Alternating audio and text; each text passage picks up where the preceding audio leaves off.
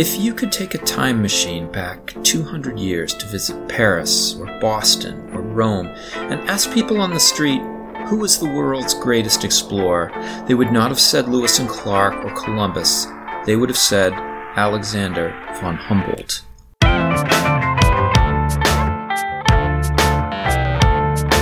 It's time to eat the dogs. I'm Michael Robinson. Today, Patrick Anthony discusses the great Prussian naturalist and explorer Alexander von Humboldt. It's kind of hard to understand the fame and admiration that followed Humboldt after his 1799 expedition to South and Central America. While he's been largely forgotten in the United States, this is beginning to change. Anthony is a PhD candidate at Vanderbilt University. His essay, Mining as the Working World of Alexander von Humboldt's Plant Geography and Vertical Cartography, recently won the Nathan Reingold Prize from the History of Science Society. It is published in the spring issue of the Society's journal, ISIS. Patrick Anthony, thank you for talking with me today. Thank you for having me on. Could you tell me a little bit about Alexander von Humboldt, who he was and what he did on his 1799 expedition? Yeah, so let me give just a brief biographical overview of Alexander von Humboldt. Humboldt was born, as you can tell by the name, um, as a, into a noble family uh, outside of Berlin and what was then Prussia. Grew up in Germany, and as was typical for young men of that time in Germany, his education um, travel was integral to it. So he traveled to a number of different universities Frankfurt, Göttingen, Hamburg, and then took up a post uh, as a miner for the Prussian Mining Administration. But to speak to his journey through the Americas, yeah, this was a trip from 1799 to 1804 with his companion Aime Bonpland. I suppose what's remarkable about this journey, which took him through modern day Venezuela, Colombia, Cuba, what's now Mexico, is that he was really practicing every science possible. And in fact, he later said to prepare himself, he, he studied in every empirical every empirical discipline. And I think that's quite true. So he was, you know, botanizing, practicing geology, taking barometric readings, doing meteorological studies, mapping the Earth's magnetism. Importantly for my work, going up mountains and volcanoes and into mines and caverns, and even, I mean, fascinatingly using his own body in a sense as an instrument, as a kind of gauge to measure the uh, physiological effects of altitude and such. I think he was the uh, didn't he get the kind of at the time the world record for altitude. That's that's right. So at the time, it was thought that Mount Chimborazo, a, a volcano in modern day Ecuador, was the highest peak on Earth. And in fact, if you measure from the center of the Earth, because of the the bulge at the equator of, of the globe, it is the highest peak. But that's right. He didn't make it to the top, but was quite proud of this achievement. And um, and that volcano Chimborazo served as a a model for a, a, number of his pictorial representations. Most famously, the tableau physique that appeared in his uh, essay on the geography of plants. You know, one one of the things that a lot of people might be thinking as we talk about Humboldt is.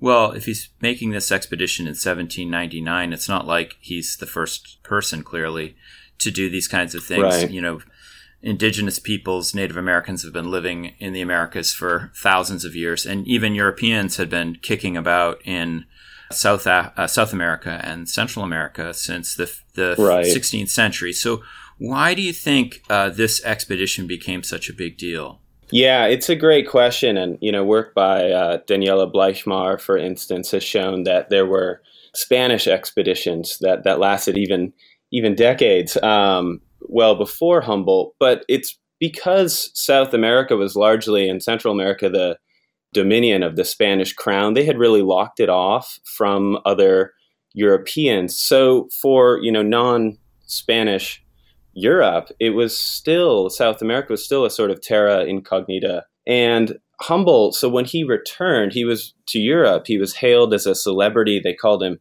that the second Columbus, even Simon Bolivar, one of the South American revolutionaries, hailed him as a sort of uh, discoverer of South America. And that's because he was so remarkably prolific uh, in bringing artifacts from indigenous life and all manner of natural history through his works to the European uh, to the European mind. So you think it was mostly because of the fact that this uh, essentially the the circuits of knowledge uh, didn't pass through all parts of Europe, and so he was one of the first people to, mm. in a hmm. sense, bring back this vision to Northern Europe and Western Europe.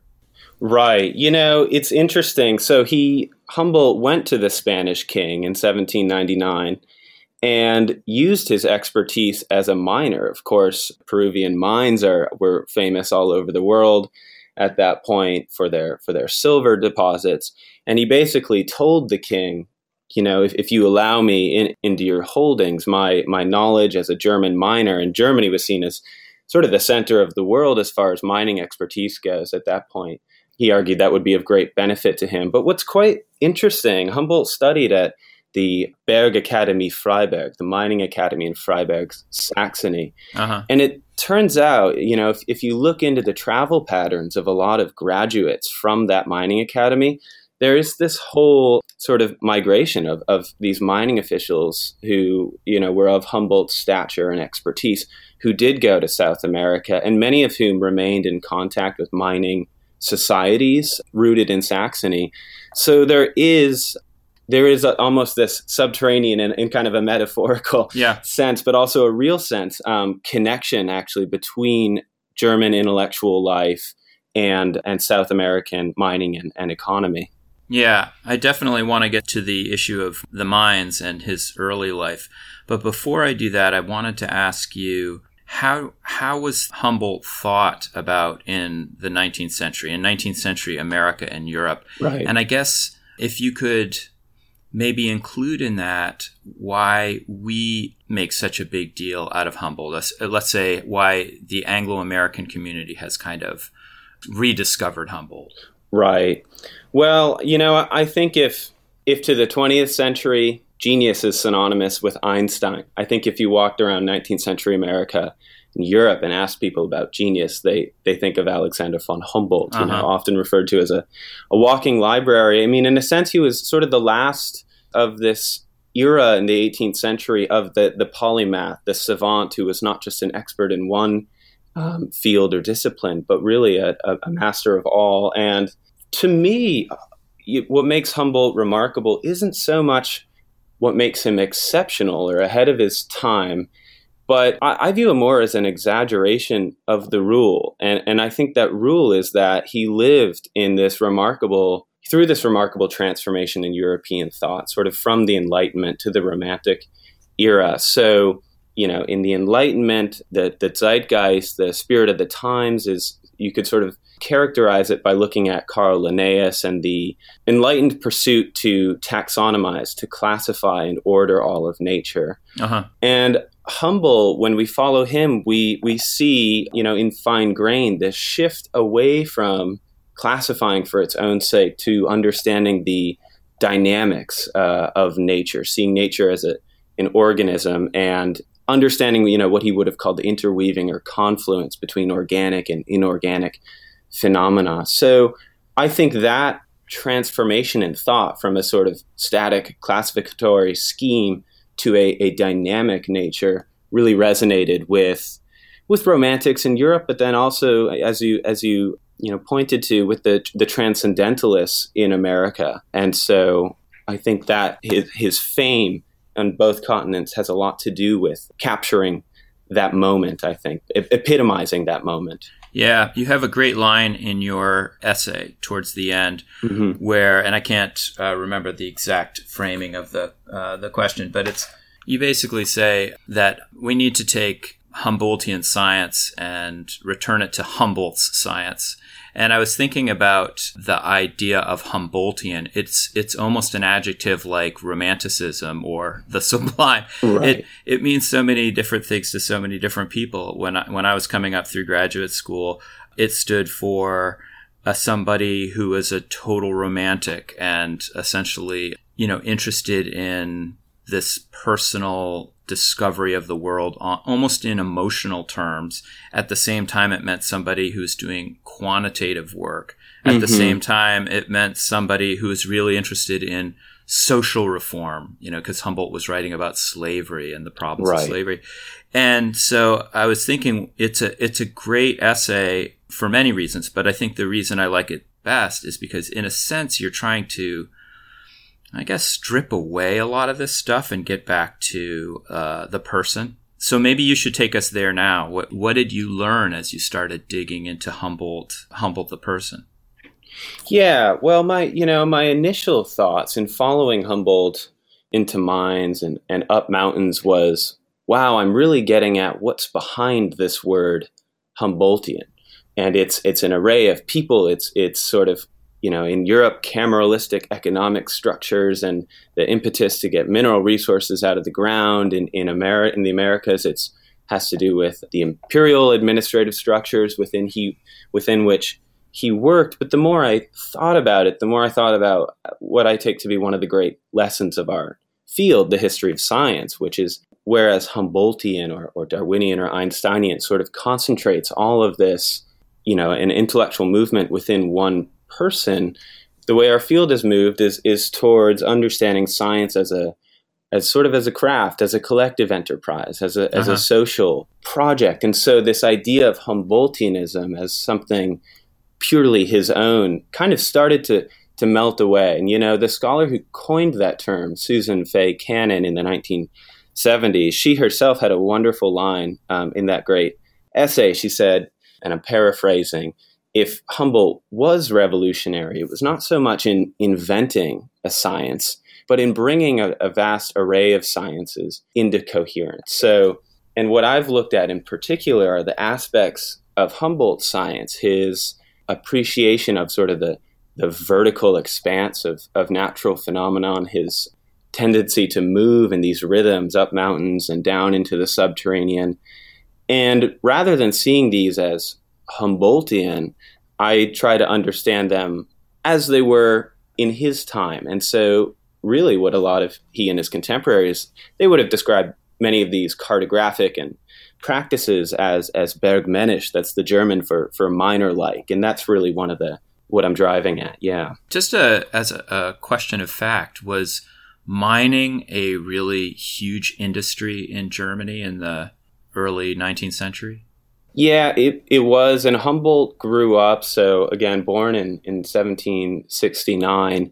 Humboldt grew up in a time after the Seven Years' War when German states were um, practicing an administrative science called cameralism. So um, they were initiating all these reforms that were aimed at, you know, basically raising the revenue of the state and overseeing in this almost totalizing administrative way all the state's resources, including including humans, you know, and natural resources, and trying to most efficiently raise revenue. So Humboldt was grew up in a time where, yeah, mining, you know, there was an ascendancy of mining. I think because of that that reforming ethic Mhm. that pervaded his generation. So it was a revered activity for his generation. Yeah, and, and you know, and I think you see in Humboldt how that enlightenment reverence for for utility he he and his contemporaries really elevated utility you could say to sort of a virtue in its own Mhm. right One of the things I found most striking visually about your essay was you took these images that, for people who study Humboldt, are, have become the kind of archetypal images for him, which is the cross section of Mount Chimborazo Right. shows a uh, essentially it shows what we would maybe call ecological zones of species as they as they go up the Mhm. mountain and you see it everywhere uh, when people talk about Humboldt and you connect that to his analysis of the subterranean world. right Can you talk about what you see when you look at Humboldt's sketches of this world? Sure. And that's one of those great images that I, I just had to spend a lot of time staring at and just and just Mhm. taking in. And I suppose what struck me about it, for all that we as historians of science tend to say about Humboldt representing, you know, an exact and sort of empirical precise science, what's so striking to me about it is actually it's the extent to which it's a very idealized view of nature. So the, the tableau physique to which you're referring is modeled off of a particular mountain, Mount Chimborazo, but it's actually Humboldt intended it as a pictorial an illustration of the entire what would later be called biodiversity mm-hmm. of the South American continent. And so, where the subterranean comes in, if you notice, this he lo- Humboldt locates subterranean flora, these plants that grow under the ground. He locates them somewhat curiously below sea level, which is striking mm-hmm. because Humboldt, better than anyone, knows uh, um, subterraneous plants grow in mines and caverns all over mountains at, at various elevations. So, but uh, mm-hmm. he he did that as I've argued because Humboldt was quite interested in nature as a system of these harmonious correspondences and equilibriums. And so, one of them mm-hmm. that he argues with that image is that there's a, a, sort of vertical correspondence. The same, you'll find the same plant life at high elevations as you will in the deep subterranean. So he sort of illustrates that juxtaposition. And in the same way, he argues for another sort of correspondence that is a, a relation between plant life of, of drastically different zones on the planet, and and that is the correspondence between high elevation or or mountaintops and high latitude, right? So he argues mm-hmm. if you walk towards the North Pole, you'll see a similar change in plant life as you would climbing a mountain. So, as one of my colleagues, Lachlan Fleetwood says, you know, mount, mountain science in Humboldt's time is global science, and that's in part because mountains were seen as a sort of microcosm of, of the Earth system. Yeah, and also it seems to connect so much to this uh, mm, tendency we have to, I guess, see Humboldt as uh, a poster child for the sub, you know the sublime scientist climbing climbing right. mountains. So let me play devil's advocate here for a minute mm-hmm. and just say, you know, you I think you make a really persuasive case that his experience in the mines must be connected to the way that he envisions South America and Central America. At the same time, we have these other facts about his life that, you know, he grew up at this time of, you know, revolutionary fervor. I think he didn't he hike through France with uh, Georg Forster, the uh, the naturalist. Yeah, Georg Forster sort of took him under his wing on a journey to England and then through revolutionary France. That's right. And he did speak at times in this kind of emotional voice of of the the romantic. He implored artists to come follow him to South America because he felt that the the pure quantitative scientist couldn't, I guess, figure things out. He was mm-hmm. passionate about, you know, individual liberty, all of these things that we maybe put the term zeitgeist on, but they, right. they were parts of him. And even, let's say, uh, and you mentioned this in your, your essay that there were people, uh, Condamine, for example, who was uh, exploring mm-hmm. in South America in the 1730s, was creating vertical maps. So, so what do you say to the people who would bring up these examples of the the Enlightenment or the Romantic Humboldt? Right. Well, I guess I would take the Humboldtian route and say it's all it's all interconnected. It's all part, it's all part of one moment. Um, you study Humboldt, you got to think like Humboldt. But um, yeah, right. Yeah, no, I mean, I, I really think that um, actually, you know, mining really pervaded a lot of romantic art, and uh, and there's the subterranean is all through romantic poetry and whatnot. So and and I think in Humboldt's time, there's a sort of romanticization of resource extraction and resources themselves. And you know, in our world today, that seems quite foreign because we we may be tempted to identify Humboldt with a, a sort of ecological view rather than an extractive approach to nature. And I think one of the benefits of studying Humboldt is that it forces us to sort of move beyond that dichotomy. And, and, for him, the sense I get, and as with many of his contemporaries, is that, you know, if, if you love nature, you put it to use. You want to enter it, engage with it, activate it, and, and bring out its energies. And for his generation, that's really what mining was. So, yeah, I, I see all these uh, movements sort of working together. And, you know, what really strikes me is once you start to sort of count the mines he visits and put them alongside the mountains he visits. Uh-huh. And you know, if we if we were to map Humboldt as he maps nature, that is vertically, we would sort of see this up and down rhythm above and and below the surface of the earth. I guess we call that verticality. yeah, it's it's so interesting too to think about. So when I was coming up through grad school, it was Mary Louise Pratt's book Imperial Eyes right. that I was reading, and in it she talks about Humboldt. She takes issue with the idea of Humboldt as a dispassionate observer of nature, mm-hmm. someone who's just grooving on science and travel and bringing back cool things, and says, mm-hmm. no, Humboldt too is an agent of empire. And so it seemed to me that the last 15 years or so has been, in a sense, a pushback against yeah. that view of Humboldt. And it seems to me what you're offering is, in a sense, this other view of Humboldt the miner, Humboldt the the industrial official.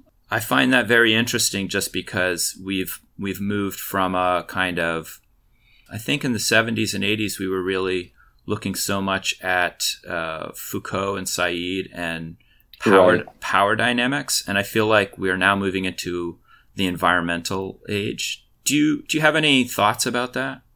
Yeah, I, I, that's a pretty spot on um, kind of mapping of the historiography, the history of the history uh, uh, on Humboldt. I um, personally have a great reverence for the intervention that Mary Louise Pratt made in Imperial Eyes and saying, as you just put it, you know, Humboldt wasn't just a disinterested character. And you know, it's it's uh, it's easy to to think that because he did really write so passionately against slavery and colonial practices. But you know, we have to remind ourselves, I guess, take the tableau physique that we were just discussing, for instance. In it, he there he actually makes a note where he you know, de- deplores. He says even at this high elevation, uh, slavery is still practiced, something of that uh, along those lines. And yet he also points out here's where you can grow the breadfruit tree, which, which yeah. was a, a, plant that in the 18th century was carted around with the idea of it was fodder for slaves, basically. Yeah. So you know, there's this there's this tension, and and he knew it, you know, and and he tried to sometimes distance himself from mining and to other audiences embrace it. And so I, I think we need to, um, with him as with other similar characters, kind of dwell in that tension with him. So as I was finishing your piece, it seems to me that you're making a bigger argument here, not just about Humboldt and ways of redefining Humboldt, which God knows is, is huge enough uh, when you consider the number of people who work on Humboldt, right. but also maybe to question enlightenment science. I mean, and the reason I say that is because you keep pulling in people who we think of, or at least I should say I think of, as mm-hmm. romantics, as romantic scientists, Goethe and Forster mm-hmm. and these other people of the time with whom Humboldt's interacting. And, and you're saying, yep, they were in the mines too, or they were interested in mining. Are you making a bigger argument here?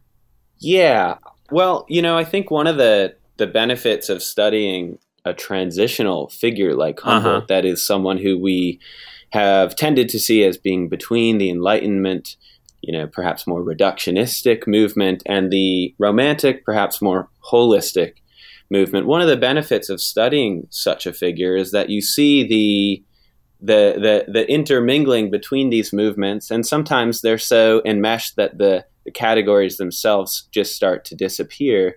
A great, you know, inspiration for me in this regard has has been uh, a, a line by a historian of science, Denise Phillips, who, to paraphrase, you know, she says, rather than assuming we know what what science is and searching through the past to sort of point it out, we need to pay attention to, as she puts it, the the things that capture the allegiance of of our actors, you know, and and so one of the fascinating things I, I, hope about this work I've, I've done on Humboldt is that one of what captured his allegiance in part was playing a part in public utility, in, in useful science. You know, as I've mentioned, there was this kind of almost romantic reverence for uh, what we tend to see as a very uh, reductionistic, extractive, kind of mechanistic practice, which was which was mining. So in this regard, sometimes it's better perhaps to just be specific uh, rather than um, default to enlightened or romantic. You know, my uh, short pass through the Humboldt literature was an article I wrote a few years ago on it was basically just looking at how Americans received Humboldt. So mm-hmm. digging around in newspapers uh, at the beginning of the uh, 19th century see, to see how Americans actually thought about his expedition. And there was a ton of stuff in the newspapers about Humboldt. Right. But what was so interesting to me and very surprising was none of it was about the sublime views of nature that Humboldt had, had seen or the evocative landscapes of South America. It was things like, mm. you know, Prussian naturalist finds fish vomiting volcanoes.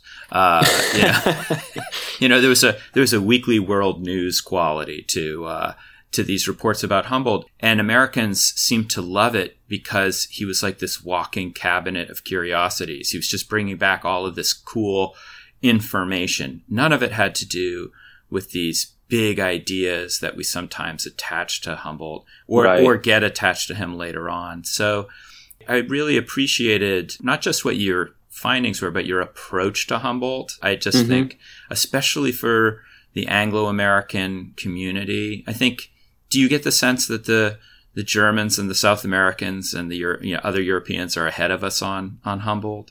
what's interesting when I when I'm in Berlin and, and talking to my colleagues there is the number of different angles from which people study Humboldt, right? Uh-huh. So so my colleagues over there are art historians, um, you know, critics of of literature.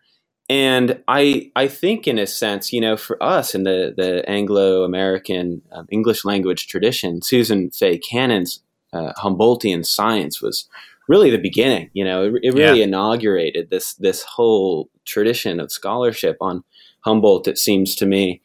But yeah, certainly that that's one of the you know just as in in Humboldt's time towards the end of his life, people like Darwin and Joseph Dalton Hooker started to say in their letters, okay, he's looking a little out a little outdated, whereas the Germans really just soaked up his his final five volume work Cosmos, which is this uh, massive, all-encompassing um, account of the, of the universe. So, just as there's a sort of national difference in the reception of Humboldt in his time, um, I think there's a variety of different approaches today. So, so I, I hope to sort of bridge the uh, our history of science community and those those other communities, particularly in, in Germany, in the future.